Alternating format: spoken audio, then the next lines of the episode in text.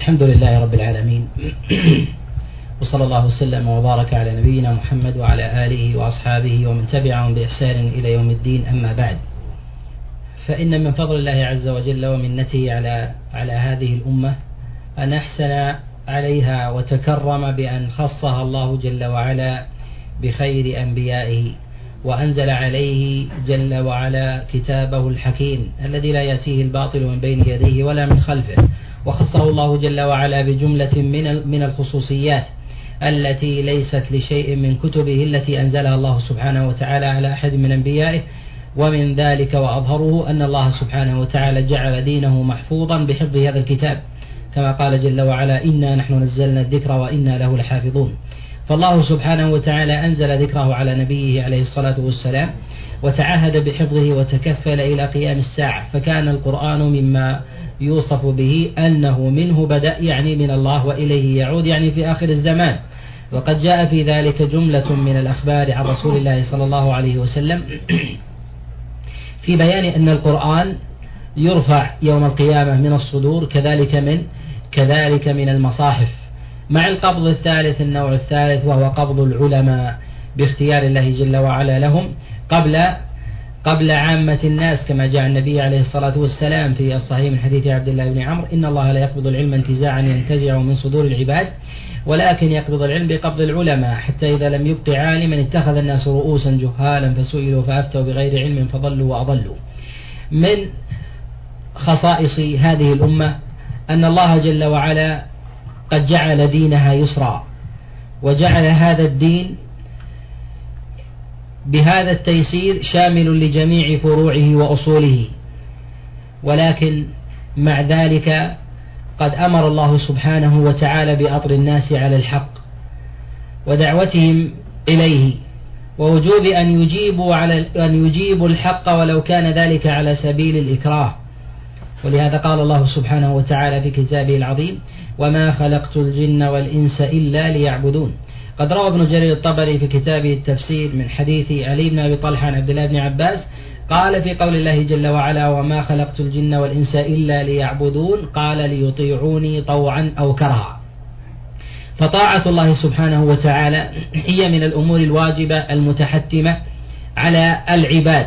هذا من جهة الأصل هذا دعا إليها رسول الله صلى الله عليه وسلم بلسانه ابتداء فلما مكن الله جل وعلا له دعا دعا بالسنان. فكان التآلف بين ذلك وكذلك أيضا محاولة جعل الشريعة بين رفق ولين بحسب حال الناس وبحسب حال السامعين. هذا من خصائص هذه هذه الأمة التي خصها الله جل وعلا بيسر بيسر الدين. ثمة أصول مهمة ينبغي الكلام عليها قبل الولوج فيما يتعلق بمسألة مسألتنا هذا اليوم وهي فقه التيسير.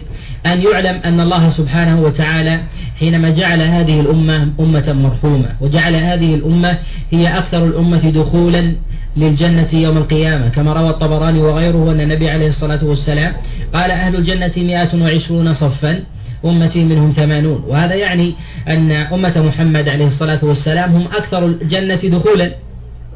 كذلك أيضا أمة محمد عليه الصلاة والسلام هم أقل أقل الناس دخولا في النار.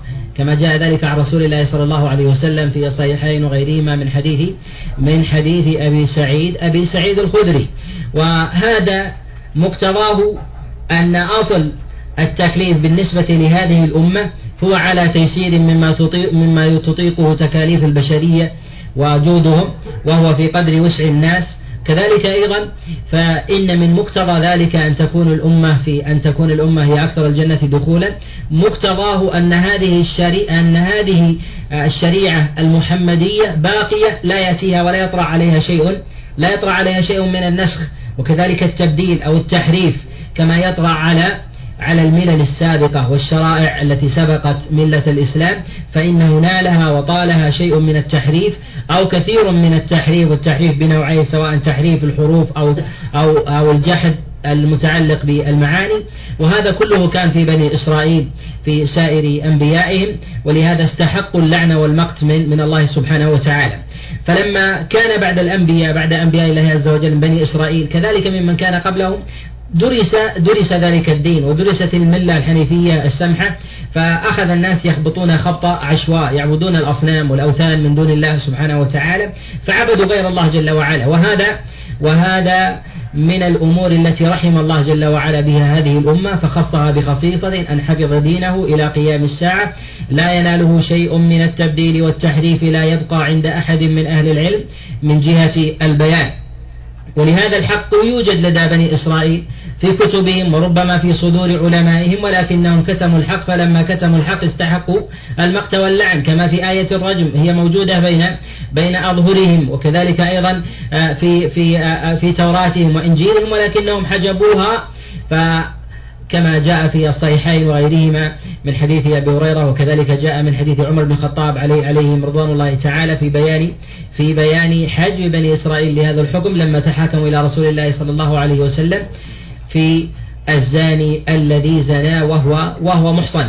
لما كانت هذه الأمة مرحومة كان مقتضى ذلك أن تكون العاقبة في الآخرة على خير ما كانت عليه عاقبة تلك الأمم السابقة من بني إسرائيل من بني إسرائيل وغيرهم. ومما ينبغي أن يعلم قبل الولوج في مسألة آه، التيسير في دين الله سبحانه وتعالى مما يصطلح عليه الفقهاء في أبواب الفقه وما يتكلمون عليه في مسائل في مسائل الاصطلاح. من أهل النظر والتقعيد أو أرباب النظريات وغير ذلك من الأصوليين منذ بدء الكلام في التأصيل لقواعد الإسلام.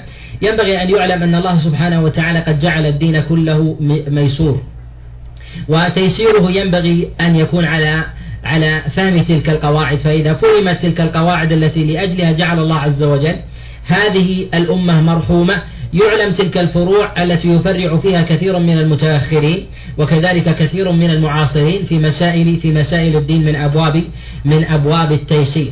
ينبغي أن يعلم أن الله جل وعلا حينما أطلق التيسير في كتابه العظيم كذلك النبي عليه الصلاة والسلام في سنته في مواضع عديدة أن يعلم أن المراد بالتيسير في كلام الله هي الشريعة بمجموعها جاءت بما يوافق ويلائم الفطرة البشرية التي تستطيع لو أرادت أن تأتي بالأعمال الخيرية سواء كان ذلك من أفعال الجوارح أو كان ذلك من عمل القلب أو كان ذلك من قول من قول اللسان فإن هذا مما فإن هذا مما يطيقه الإنسان بأيسر سبيل بأيسر سبيل. كذلك أيضا من مفاهيم التيسير في شريعة الإسلام أن الله جل وعلا قد رفع الكلفة عمن ترد عليه المشقة عند ممارسة ذلك العمل وهذا في سائر صنوف العبادة سواء ما يتعلق بأركان الإسلام الخمسة أو ما يتعلق بأعمال الاعتقاد كذلك في أمور في أمور أقوال اللسان. كل ذلك يدخل في دائرة التكليف بما يطيقه الإنسان.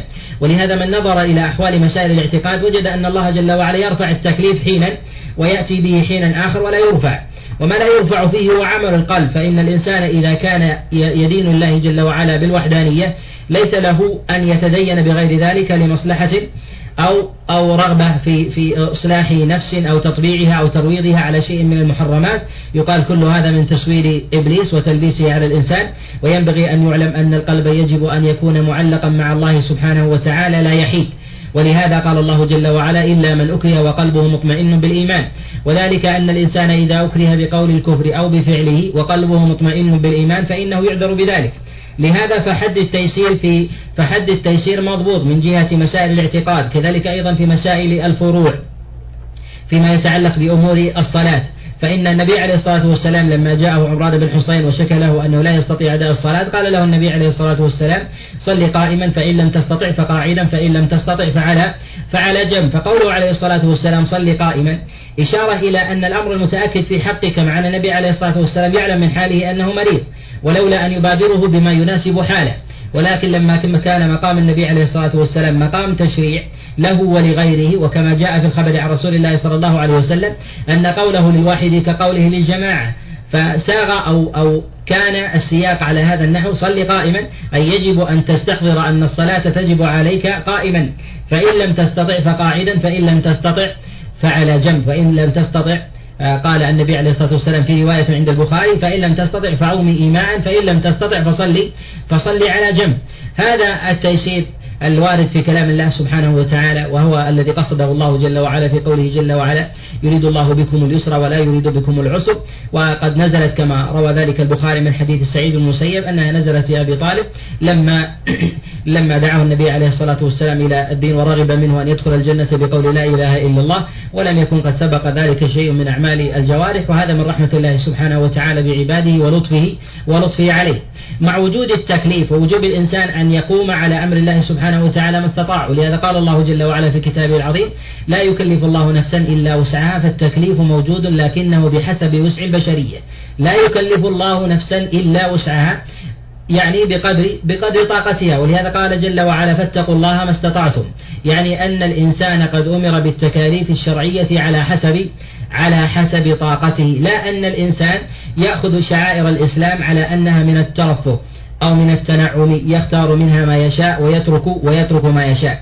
ولهذا رسول الله صلى الله عليه وسلم قصد جملة من المقاصد في ذكره للتيسير ورفع الحرج. منها ما كان على سبيل التعميم أن الإنسان أنزل أن الشريعة أنزلت على هذا النحو كما قال عليه الصلاة والسلام كما في الصحيحين وغيرهما من حديث سعيد بن أبي سعيد عن أبي أبي هريرة قال النبي عليه الصلاة والسلام إن هذا الدين يسر ولن يشاد الدين أحد إلا غلبه فأوغلوا فيه فأوغلوا فيه برفق قوله عليه الصلاة والسلام إن الدين يسر يعني أن الدين بمجموعه يسر لا يمكن أن يند حكم من الأحكام عن هذا النحو. والإيغال فيه بطلب جملة من فروعه وأجزائه حتى يزداد الإنسان من ذلك عبادة على حساب نفسه أو حساب غيره مما يلحق الضرر على سبيل الخصوص أو العموم. هذا من المفاسد المذمومة ولهذا قال النبي عليه الصلاة والسلام أوغلوا فيه برفق. ولهذا جاء النبي عليه الصلاة والسلام من حديث عائشة قال دخل علي رسول الله صلى الله عليه وسلم وعندي امرأة تذكر أنها تقوم من الليل كذا وكذا حتى تتعب. فقال النبي عليه الصلاة والسلام مه عليكم من العمل ما تطيقون فإن الله لا يمل حتى تملوا. المراد من هذا أن يبين النبي عليه الصلاة والسلام أن الإسلام على وجه العموم بهذه الشعيرة التي بين أظهركم الذي ضمنه الذي الذي ضمنه الله جل وعلا وتكفل بحفظه وبين دفتي المصحف وأنزله الله جل وعلا على نبيه من جهة المعنى من كلامه عليه الصلاة والسلام فالسنة وحي. لهذا قال الله جل وعلا وما ينطق عن الهوى إن هو إلا إن هو إلا وحي يوحى. والسنة موصوفة بالإنزال كالقرآن وهذا محل اتفاق عند عند العلماء. ولهذا يقول أحمد بن زيد بن صالح قال إنما هي يعني شريعة الله سواء جاءت جاءت من القرآن أو من السنة إنما هي صالح عن صالح وصالح عن تابع وتابع عن صاحب وصاحب عن رسول الله ورسول الله عن جبريل وجبريل عن الله. كلها ما كان من أقواله عليه الصلاة والسلام وأفعاله كذلك كذلك تقريراته كلها من الله سبحانه وتعالى وهو وحي. ولهذا الأصل فيما يرد عن رسول الله صلى الله عليه وسلم أنه أنه وحي لا يند عنه إلا لقرينة. فما كان من القرائن من أفعال العادة أو الجبلة فإنه يصرف بحسب القرينة ويختلف في ذلك فهوم الناس بحسب إدراكهم لقرائن القرائن الصارفة لوحي الله لوحي الله سبحانه وتعالى النبي عليه الصلاة والسلام. وهذا هو الأصل المتقرر في شريعة الله. لهذا إذا فهم أصل مراد التيسير في كلام الله سبحانه وتعالى وأن الشريعة هي الأصل فيها على هذا النحو. يسهل على الإنسان كثير من المعالم في الشريعة وكثير كذلك من استعمالات كثير من الفقهاء حينما يتكلمون على هذا الأمر. من المقاصد التي قصدها النبي عليه الصلاة والسلام من لفظ التيسير ما يسمى بالتدرج في التعليم أو التدرج في تطبيق في تطبيق أحكام الله سبحانه وتعالى سواء كان ما يتعلق الإنسان في ولاية الصغرى في ما في دار من ولاه الله جل وعلا أمره. كذلك أيضا فيما يجب على الوالي من تطبيق أحكام الله سبحانه وتعالى إذا استحكم أمر إذا استحكم أمره وقبضته على من كان من أهل الفسق أو الفجور أو كان من أهل الكفر من الملل الكفرية من أهل الكتاب وغيرهم أن يبتدي معهم بدين الله عز وجل بالتدرج. ولهذا كثير من الناس حينما تغيب عنهم هذه المصطلحات وتفسيرها من جهة الشرع يقلبون كثيرا من المعاني والمفاهيم ويأتون أيضا على كثير من السياقات الشرعية ويبترونها عن المقصود. كإيراد مثلا ما جاء في ما جاء في الصحيحين وغيرهما من حديث من حديث أبي بردة عن أبيه. قال النبي عليه الصلاة والسلام لأبي موسى ومعاذ بن جبل لما بعثهما إلى اليمن قال يسر ولا تعسر وبشر ولا تنفر. تؤخذ هذه العبارة على سبيل التعميم أنه ينبغي للإنسان أن يأخذ من شريعة الله عز وجل كما كما يروق له.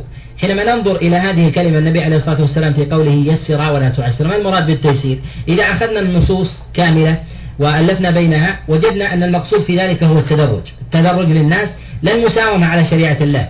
والتدرج هنا قد جاء النبي عليه الصلاة والسلام في خبر آخر في نفس هذه القصة كما جاء في في الصحيحين وغيره من حديث أبي معبد عن عبد الله بن عباس. قال النبي عليه الصلاة والسلام لمعاذ بن جبل لما بعثه لليمن قال يا معاذ إنك تأتي قوما أهل كتاب. فليكن أول ما تدعوهم إليه شهادة أن لا إله إلا الله. وأن محمد رسول الله. فإنهم أجابوك لذلك فاعلموا أن الله كتب عليهم خمس صلوات في اليوم والليلة فإنهم أجابوك لذلك فأعلمهم أن الله فرض عليهم زكاة تؤخذ من أغنيائهم فترد في فقرائهم. إلى آخر إلى آخر الخبر. إذا المراد في ذلك هو التدريج لا المساومة في حكم الله سبحانه وتعالى وأمره.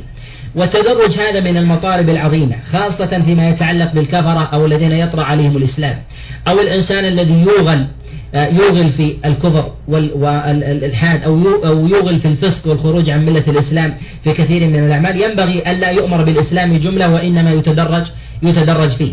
وهذا الجهل به نفر كثيرا آه، من من أرباب من أرباب من أرباب الكفر أو كذلك الفسقة بالانصراف عن دين الله سبحانه وتعالى وذلك أن النفس تحتاج إلى ترويض تحتاج إلى ترويض وكذلك تدرج لأن الإنسان لا يطيق ذلك كله ولهذا جاء النبي عليه الصلاة والسلام رجل من ثقيف كما روى الإمام أحمد في مسنده من حديث من حديث ناصر بن عاصم قال حدثني رجل منا أنه جاء إلى رسول الله صلى الله عليه وسلم وأراد أن يسلم واشترط عليه ألا يصلي إلا ألا يصلي إلا صلاتين.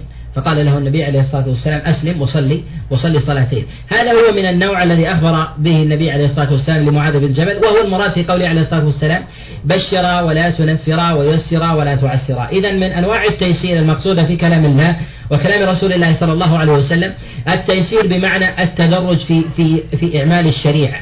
وعدم المجاملة في في تطبيق أحكام الله سبحانه وتعالى على وجه العموم.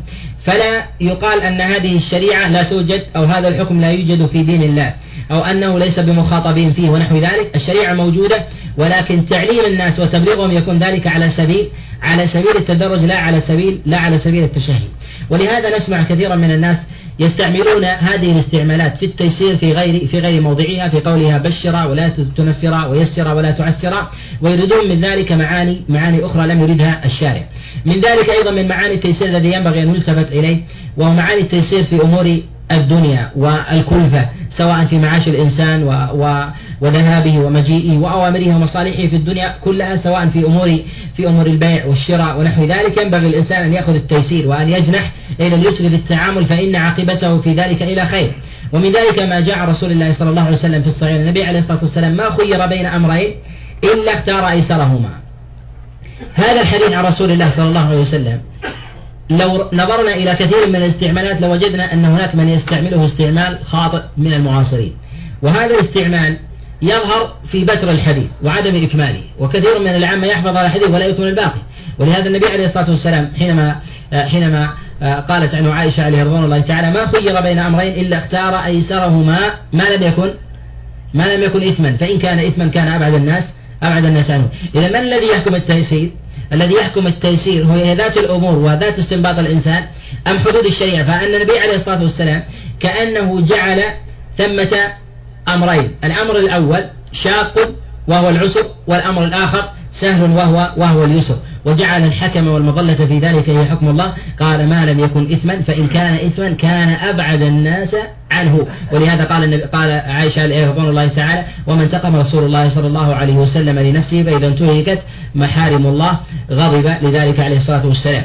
وهذا الحديث عن النبي عليه الصلاة والسلام ما خير بين أمرين اختار إسرهما يعني في أمور في أمور الدنيا. وتنزيل ذلك على مسائل أحكام الله سبحانه وتعالى من الحلال والحرام في حال ورود بعض المسائل الخلافية ونحو ذلك مع ظهور الدليل وقوة الحجة هذا من إقحام النصوص في غير مراده. ولهذا قال ما خير بين أمرين. الأصل عدم التخيير في الشريعة وهو أن الإنسان مبين, مبين له الشريعة على هذا الأمر فينتقل منه إلى غيره على سبيل التدرج وحسب وحسب حال حال التكليف. فإذا علم ذلك علم أن المراد بذلك هو أمر الدنيا وتنزيل ذلك على على أحكام الله سبحانه وتعالى هو نوع من هو نوع من المغالطة وكذلك أيضا كذلك أيضا التجلي.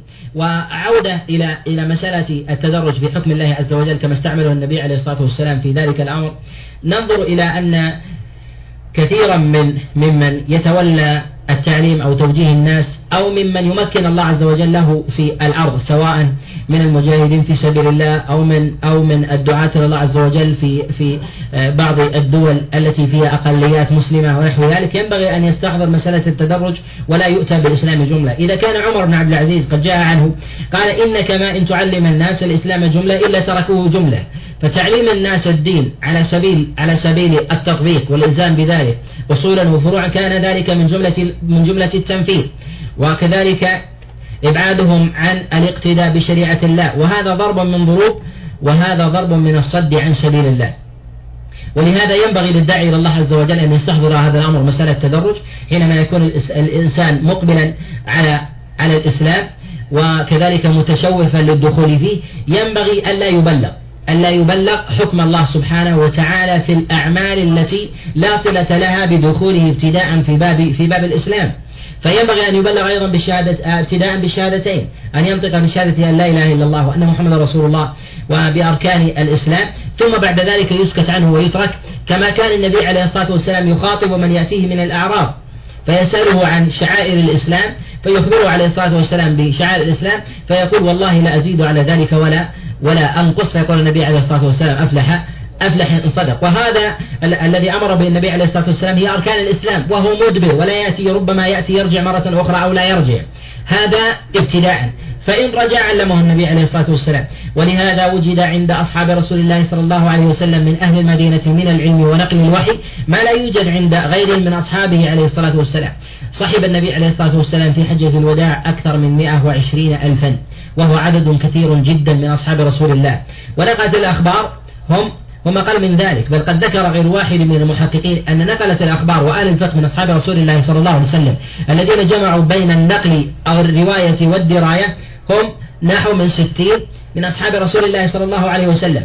وهذا العدد الكثير الذي يصل إلى أكثر إلى أكثر من مئة ألف أين هم؟ وهل استوعبوا شريعة الله عز وجل من جهة الاستيعاب على وجه العموم؟ صحب النبي عليه الصلاة والسلام في حجه وأدوا مناسك الإسلام وأدوا الركن الخامس من أركانه ومع ذلك النبي عليه الصلاة والسلام كما جاء في بعض الروايات أنه ما خطب الناس إلا ثلاث مرات. وأكثر ما قيل في ذلك أنه خطب الناس أربع أربع مرات.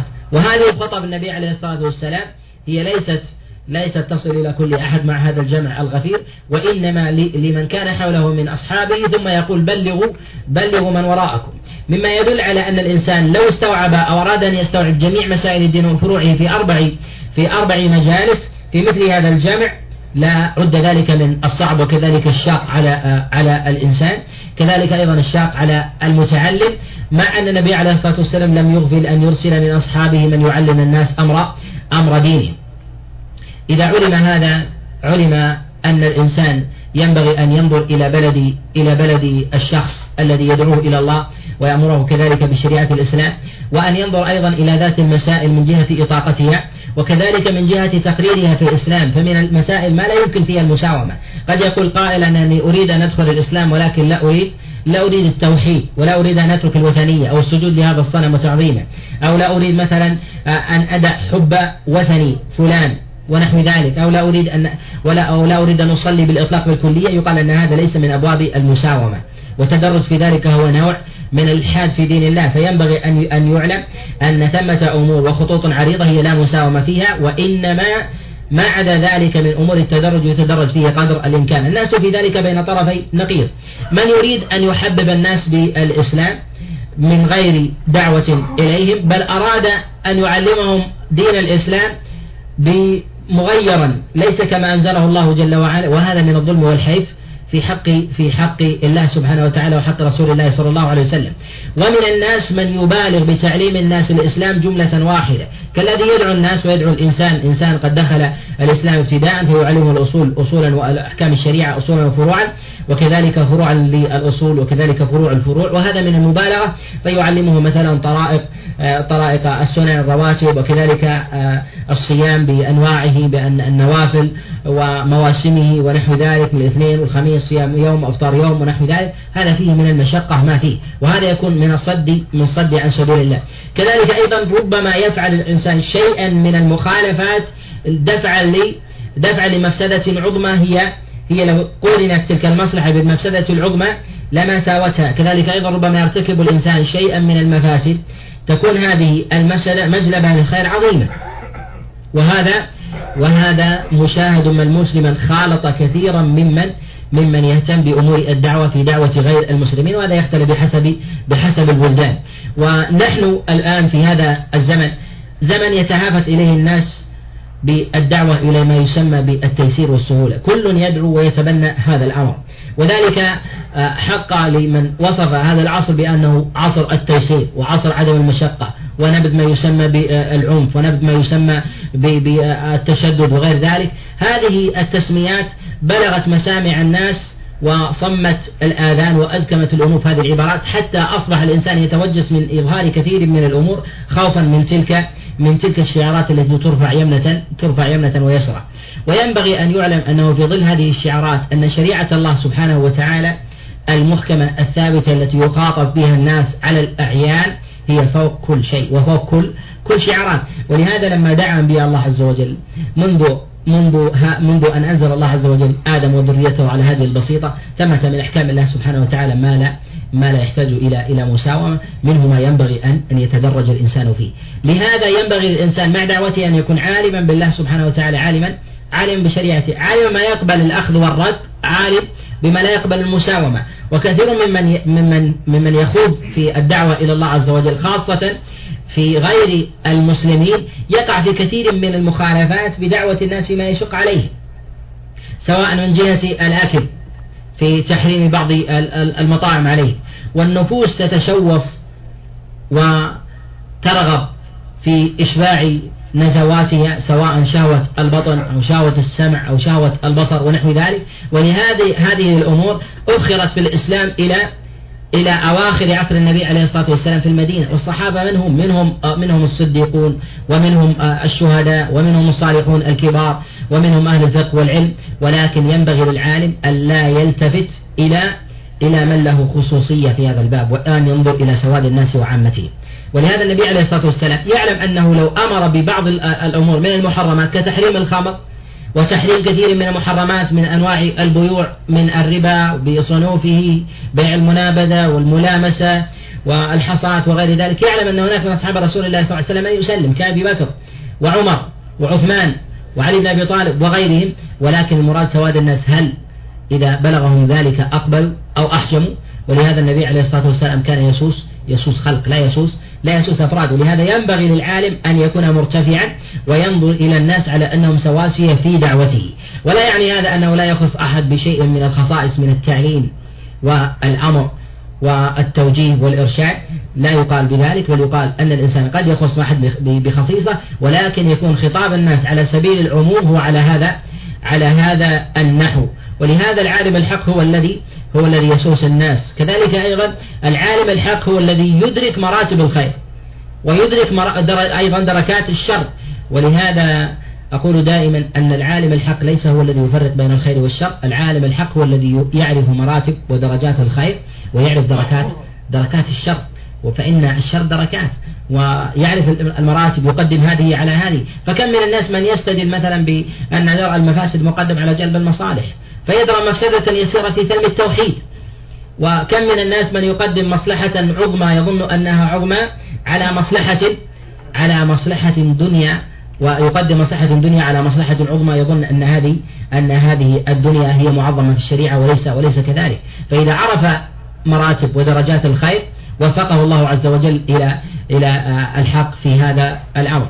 من الأمور التي ينبغي أن أن تطرح وأن تبين في مثل هذا ما هي المسالك التي قصد النبي عليه الصلاة والسلام في باب التيسير لما يتعلق في أمور الدين؟ تقدم الكلام على تأصيل مسألة التيسير في كلام الله عز وجل ومقاصد كلام الله سبحانه وتعالى وكلام رسول الله صلى الله عليه وسلم. الله جل وعلا قد جعل من, من دينه ما هو محكم بين وهو الحلال البين والحرام البين وجعل بينها متشابهات والمتشابهات الناس في ذلك يتباينون. منهم من هو صاحب حاجة ومنهم من هو يستطيع اتقاء الشبهات؟ ولهذا قد جاء النبي عليه الصلاة والسلام في الصحيحين وغيره من حديث نعمان بن بشير قال الحلال بين والحرام بين وبينهما أمور مشتبهات. لا يعلمهن كثير من الناس. قوله عليه الصلاة والسلام لا يعلمهن كثير من الناس. ما قال كل الناس؟ الذي يعلم ذلك من هم؟ هم العلماء العارفون بأمر الله الذين يستطيعون أن يميزوا بين الحلال والحرام. فينبغي للعام وهذه إشارة متضمنة لذلك أن يرجع إلى أن يرجع إلى العالم فيسأله عن حكم الله سبحانه وتعالى في هذا الأمر. لا يعلمها كثير من الناس. إذا ما هو مقام الناس في ذلك؟ فمن اتقى الشبهات فقد استورأ لدينه وعرضه ومن وقع في الشبهات فقد وقع فقد وقع في الحرام. ولهذا يقول العلماء أن الإنسان بالنسبة لعمل قلبه يتقلب بين أمرين ويستديم معه أمر واحد. يستديم معه المحبة لله عز وجل ويتقلب بين أمرين بين الخوف والرجاء. يتقلب بين أمرين في استقامة حاله لا يقدم واحدا على الآخر. إلا إلا فيما استثناه الدليل. فإن الإنسان يقدم الرجاء على الخوف إذا حضره الموت وكان في مرض مخيف لا يستطيع معه العمل. لأن دعوة الإنسان إلى العمل في مثل هذا هذا مما مما لا يستطيع وتكليف بما لا يطاق. كان يؤتى الإنسان إلى إلى شخص مقعد فيقول النبي عليه الصلاة والسلام يقول من أتى بهذه الصلوات فحافظ عليها بركوعها وسجودها ويأتي بالأخبار في مسألة الحج والصيام والتخويم والترهيب من تارك ونحو ذلك وليس هو بمخاطب هذا شبيه بالتقنيط من رحمة الله. إذا هذا هو مراد هذا من المراد بنبذ نبذ التشديد على مثل هذا والدعوة إلى التيسير عليه. برحمة الله عز وجل. وترك الأوامر التي لا يطيقها وليس هو من أهل الخطاب فيها كما جاء النبي عليه الصلاة والسلام فيما تقدم في حديث عمران بن حسين عليه رضوان الله تعالى. ومن كان يستطيع ينبغي أن يقدم الخوف في حال في حال المتشابهات. وإلا فيكون الإنسان متوسط بين الخوف والرجاء لا يقدم هذا على هذا ولا هذا على هذا وإنما يكون أمره في سطة من ذلك من ذلك كله. وبه يعلم أنه إذا استقر الخلاف بين العلماء لكون هذه المسألة من المتشابهات كما في قول عليه الصلاة والسلام لا يعلمها كثير من الناس. كثير من الناس هم الأكثر وهم العامة الذين لا يفقهون من شريعة الله عز وجل كما يفقه العلماء الذين لديهم العلم من الوحي والعارفون بالله عز وجل يعلمون ذلك ويتباين تحقق هذه المسألة وضوحها عند العلماء بحسب وضوح الدليل. وهذه المسائل التي يقع فيها الخلاف وهي من المتشابهات ويتنازع فيها فيها أهل العلم في ذلك ما موقف العام في ذلك؟ هل موقفه في هذا أن يتبع مسألة اليسر له في هذا الأمر أم لا؟ قبل الخوض في هذه المسألة ينبغي أن يعلم أن صاحب المشقة والكلفة له استثناء خاص. ولهذا قال الله سبحانه وتعالى لا يكلف الله نفسا إلا وسعها وقال فاتقوا الله ما استطعتم وقال النبي عليه الصلاة والسلام في الصحيحين والعليم إذا ما أمرتكم بأمر فأتوا منه فأتوا منه ما استطعتم هذه الأمور وتعليقها بالاستطاعة والكلفة بقدر سعة الإنسان دليل على أن صاحب المشقة والكلفة ليس بمخاطب في هذا في هذا الأمر. وإنما المخاطب في ذلك هو الإنسان الذي هو في سعة من أمره. إذا كان في سعة من أمره اللائق في حقه أن يقدم درء المتشابهات. ودرء المتشابهات في ذلك أن أن يتبع الإنسان طريق طريق السلامة. وطريق السلامة يتخذه العقلاء وهذا ما يدل عليه المنطق في سائر في سائر الأمور. لهذا يقال أن العقل حتى عند الملحد يدل على توحيد الله وأن العاقبة السليمة لك أن تؤمن بالله سبحانه وتعالى لأنك إن لم تؤمن هلكت وكان ما دع ما دعيت إليه هلكت. وإذا كنت ملحدا ولم يكن ثمة إله بزعمك كنت سالما فعلى أمر تكون سالما في الحالين. وناج وهالك في حال واحدة. ولهذا يقول أبو العلاء المعري قال المنجم والطبيب كلاهما لا تبعث الأموات قلت إليكما إن صح قولكما فلست بخاسر أو صح قولي فالخسار عليكما. يعني أنك يا منجم وكذلك يا ملحد تدعوني إلى أن ألحد بالله عز وجل ولكن من جهة العقل عند نظري إذا تأملت أنني إذا أسلمت فإني سالم وفي في موضع في حال صحة قولكم وكذلك فائز في حال صحة قولي وهذا مقتضى وهذا مقتضى العقل. لهذا ينبغي للإنسان من جهة الشرع والعقل الشرع في قوله عليه الصلاة والسلام فمن اتقى الشبهات فقد استبرأ لدينه وعرضه. كذلك ما يدل عليه العقل أنه ينبغي للإنسان أن يتبع طريق السلامة لأن الشبهات تجرئ الإنسان على الباطل فيتجرأ شيئا فشيئا حتى يقع حتى يقع في الحرام لأن الإنسان كما مثل النبي عليه الصلاة والسلام كالراعي يرعى حول الحمى يوشك أن يواقعه يوشك كالراعي يرعى حول الحمى يوشك أن يواقع ألا وإن لكل ملك حمى ألا وإن حمى الله ألا وإن حمى الله محارمه. راعي الغنم حينما يرعى عند حمى ملك أو أمير أو رئيس ونحو ذلك وكان في السابق لهم حمى لكنها ليست معروفة الحدود والمعارف يقال من وادي كذا إلى وادي كذا هو للأمير الفلاني أو الملك الفلاني ونحو ذلك. ولا ولا يوجد ثمة معالم موجودة كما هي في زماننا ف ومعلوم أن الملوك يضعون من المحميات ما هي ما هي أطيب الأرض وأخصبها. والناس حينما يتجرؤون إليها برعي الأغنام يأتون ويتدرجون. هذه لم نصل إلى إلى إلى أرضه. لم نصل لم نصل ثم يتجرأ حتى يقع فيها لأن الإنسان إذا جرأ نفسه على الشبهات وقع في الحرام. لهذا النبي عليه الصلاة والسلام قال الشبهات هي المتوسطة والنار حفت بالشهوات فثمة من أطراف الشهوات ما هو من الحلال ومنها ما هو من الحرام. فيتدرج فيه الإنسان شيئا فشيئا حتى يتجرأ في الحرام. ولهذا إذا دخل الإنسان مسائل الخلاف بهذه النفسية وقع وقع في الحرام. وإذا دخل في نفسية المتورع وهذا ما ينبغي الإنسان أن يكون عليه احتاط لدينه في سائر مسائل مسائل الدين. ومسألة مسائل الخلاف التي يتكلم فيها العلماء وكذلك تضاد الأقوال وتعرضها يقال أن هذه إذا كانت في مسائل الفروع مما لا يدخل فيه مسألة التحريم وغيره كمسائل الاستحباب والكراهة ونحو ذلك والتردد بين هذا وهذا أو الإباحة والاستحباب أو الإباحة والكراهة ونحو ذلك ما لم يكن ثمة تأثيم للإنسان فإن الأمر في ذلك أخف لأنه لا يتعلق به به إثم ولهذا قال النبي عليه الصلاة والسلام فمن اتقى الشبهات فقد استبرأ لدينه وعرض الاستبراء للدين حتى لا يقع في الحرام. وإلا فمسألة المستحبات هي أمرها هين لأن الإنسان لا يأثم بتركها إلا إلا إذا قال أنها ليست من الدين بالكلية فإنه يأثم بذلك بحسب مقام ما أنكره وجحده من الدين. لهذا ينبغي الكلام على مسألة مهمة وهي وهي مسألة موقف الشخص عند ورود الخلاف الوارد في مسائل الفقه. ما موقفه إذا ورد خلاف؟ يقال أنه ينبغي الإنسان إذا كان من أهل العقل والمعرفة والتماس الدليل أن أن أن يكون مميزا لأهل العلم من أهل الديانة والصلاح مع مع وجود العلم. إذا وجد العالم على هذا النحو ينبغي الإنسان أن ينبغي للإنسان أن يسلك قوله مقلدا لأنه ليس من آلة من ممن ممن يريد ممن أو يستطيع أن يقصد التحرير في ذلك والتماس الدليل على خصوصه ولا يقال أن العام لا يمكنه ذلك على الإطلاق فإنه قد يوجد في بعض العام من يلتمس الدليل في مسألة ولا يلتمسها في, أخرى. ويغلب عليه عدم الالتماس لكن مع ظهور الدليل ينبغي أن يحذر ويقف ولو كان ذلك من الفروع والجزئيات اليسيرة.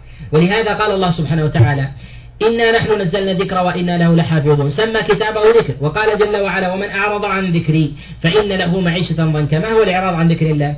في حال ورود النص المحكم من كلام الله وكلام رسول الله صلى الله عليه وسلم ومخالفة ذلك يقال أن هذا أن هذا إعراض عن ذكر الله وعاقبته معيشة ضنكا في الدنيا.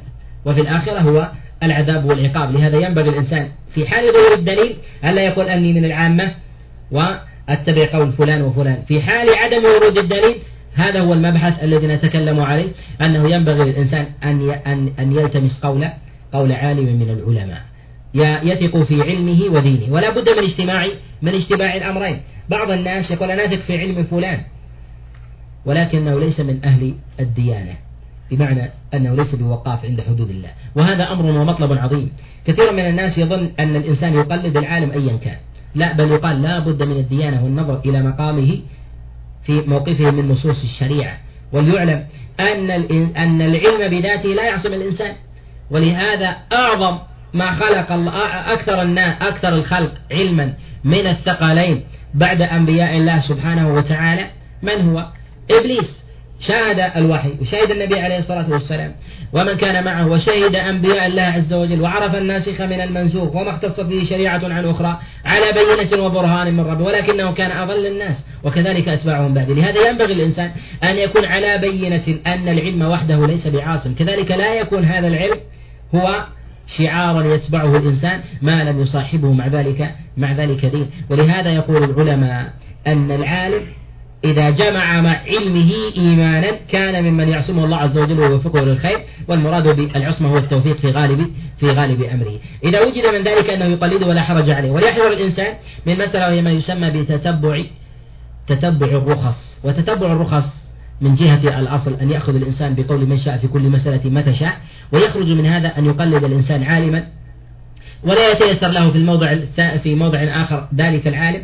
بنفسه لا حرج عليه أن يهاتف على من آخر. بعض الناس يقول أنني أثق في فلان لكن فلان لا يتيسر لي قوله في كل مسألة ولا في كل حين وربما أتصل به ولا ولا أستطيع الوصول له. يقال لا حرج عليك أن تسأل ولو كان ولو كان مفضولا مع وجود القاضي إذا كنت تثق به كما تثق في الآخر من جهة العلم من جهة العلم والديانة. ولا يكون هذا من تتبع الرخص. تتبع الرخص أن يعلم الإنسان بقول بقول بقول العالم الذي يقلده بأنه حرام ولكنه يسلك موضعا موضعا آخر.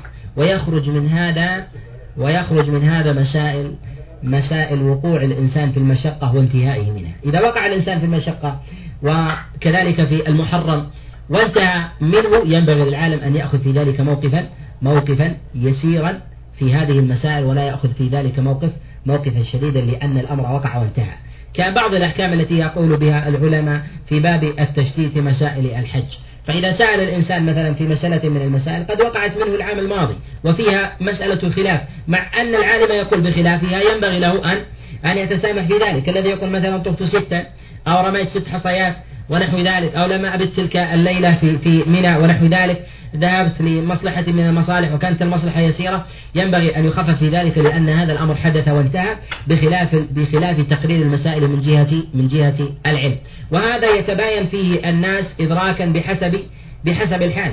كذلك أيضا ينبغي للإنسان في حال النظر أن يميز بين بين حال السائلين. من هم منهم من يطلب الأمر تشهي؟ فإذا كان على سبيل التشهي يتبع قول فلان وقول فلان حتى يؤلف له من ذلك حتى يؤلف له من ذلك دينا دينا ليس ولا يمت للإسلام بصلة. لو نظرنا إلى الفقه الحلال والحرام من الطهارة إلى آخر أبواب الفقه في كتاب الإقرار وأردنا أن نتلمس الأقوال الشاذة في كل مسألة وانتشلناها من كتب الفقه وألفنا من ذلك كتابا منفردا في المسائل الشاذة.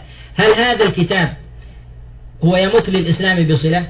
على هذا التركيب لا يمت للإسلام بصلة على الإطلاق. بل أنه دين لا يمكن أن يطبقه بشر في سائر المذاهب المتبوعة.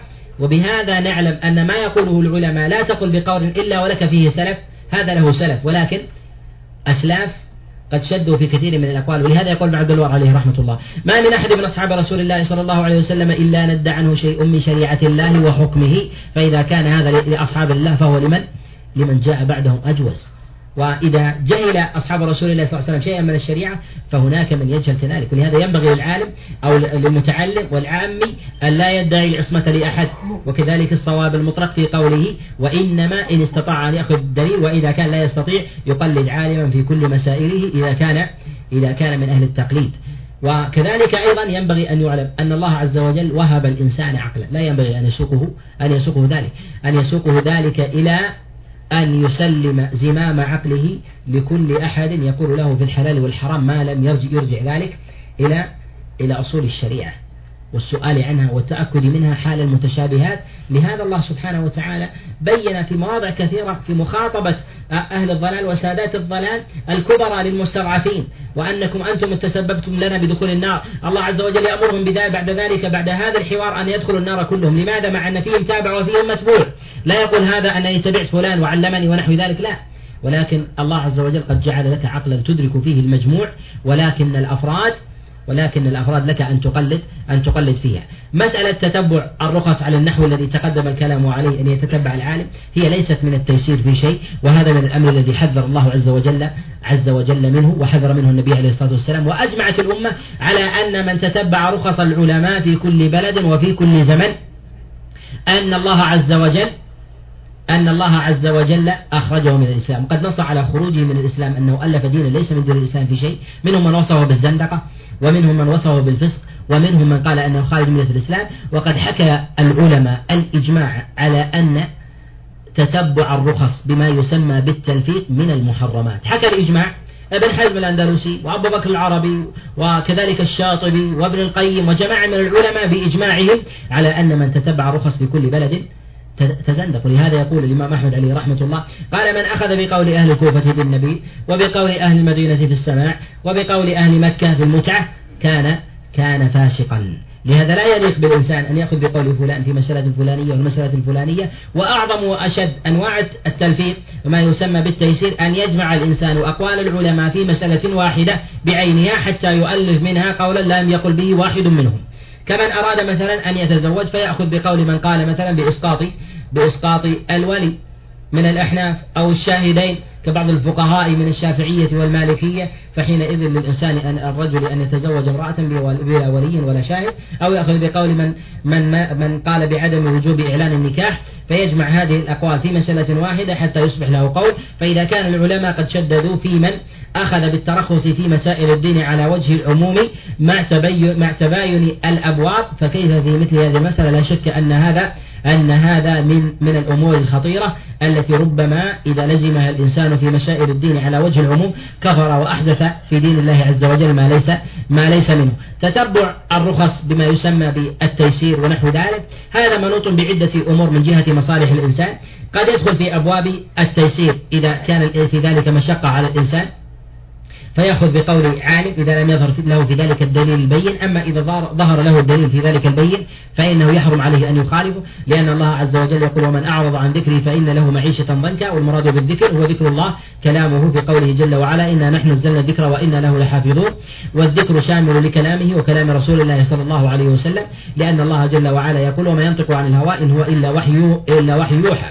كذلك أيضا إذا كان الإنسان قد وقع في الأمر وانتهى. إذا وقع في الأمر وانتهى فإنه لا حرج عليه أن يلتمس رخصة ورخصة عالم مثلا في تصحيح فعله بعبادة بعبادة من العبادات في صيام أو في حج ونحو ذلك خاصة إذا اقترن آه، فعله من جهة الإعادة ونحو ذلك بشيء بشيء من الكلفة والمشقة فيجتمع حينئذ الكلفة والمشقة وانصراف انقضاء العمل بخلاف الإنسان الذي يستقبل الأمر فإنه ينبغي له أن يأتي بالأمر على وجهه وتمامه. كذلك أيضا في بعض المسائل التي ليس فيها ليس فيها دليل. إذا كان مرد الحكم الشرعي إلى إلى الاستنباط ونحو ذلك. وأدرك ذلك العام وأنه لا دليل في ذلك. لا حرج عليه أن يأخذ بقول عالم من العلماء وهذا من السائل من السائل لكن شريطة أن لا يكون الإنسان أخذ بذلك على سبيل على سبيل التتبع على سبيل الدوام وإنما في حالة من الحالة. ولهذا قد ذكر أبو الوفاء بن عقيل في كتابه الواضح أن رجلا جاء إلى الإمام أحمد وسأله في مسألة في طلاق فقال زوجك زوج زوجتك طالق. فقال أرأيت إن ذهبت إلى إن ذهبت إلى فلان؟ وقال زوجتي لا تطلق.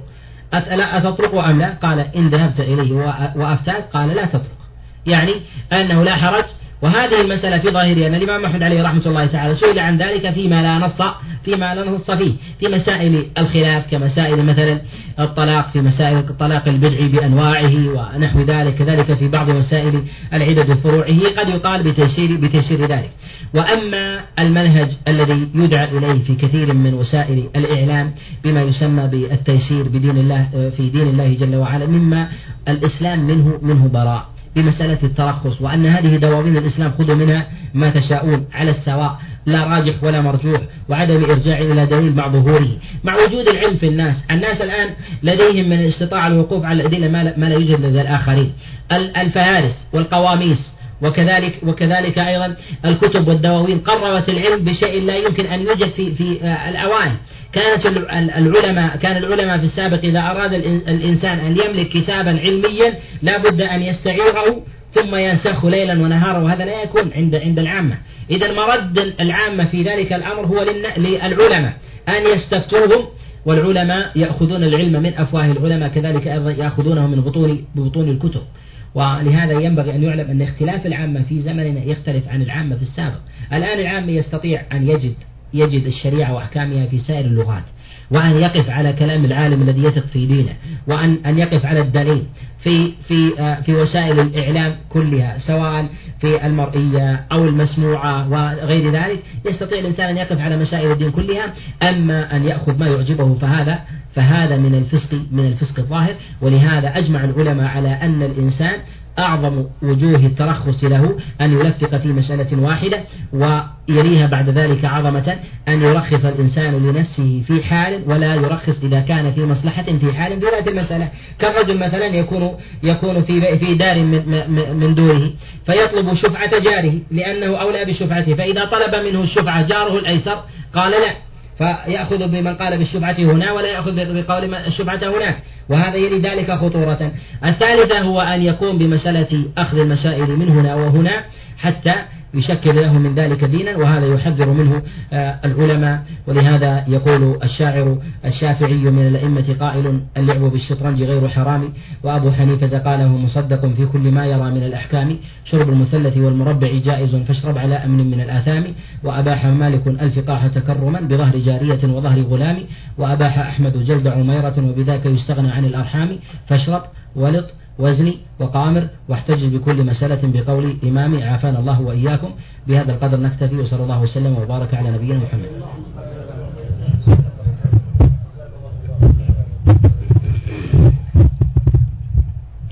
شكر الله لفضيلة الشيخ عبد العزيز الطريفي على هذه التقليد وهذه هذا الحديث ونفع الله عز وجل بما يقول وزاده الله علما وفقها في الدين. آه هذا اقتراح من أحد رواد هذه الثلاثية نطرحه عليكم قبل البدء المداخلات وطرح الأسئلة. يقول لعلي أقترح عليكم آه أن تكون في مسألة التعليق أو المداخلة بعد المحاضرة أن لا تكون إعادة لما أي أن من يريد التعليق أو المداخلة أن يأتي بشيء آه جديد وله فائدة حتى لا يضيع أو لا يضيع الوقت أو يستدرك شيئا فات.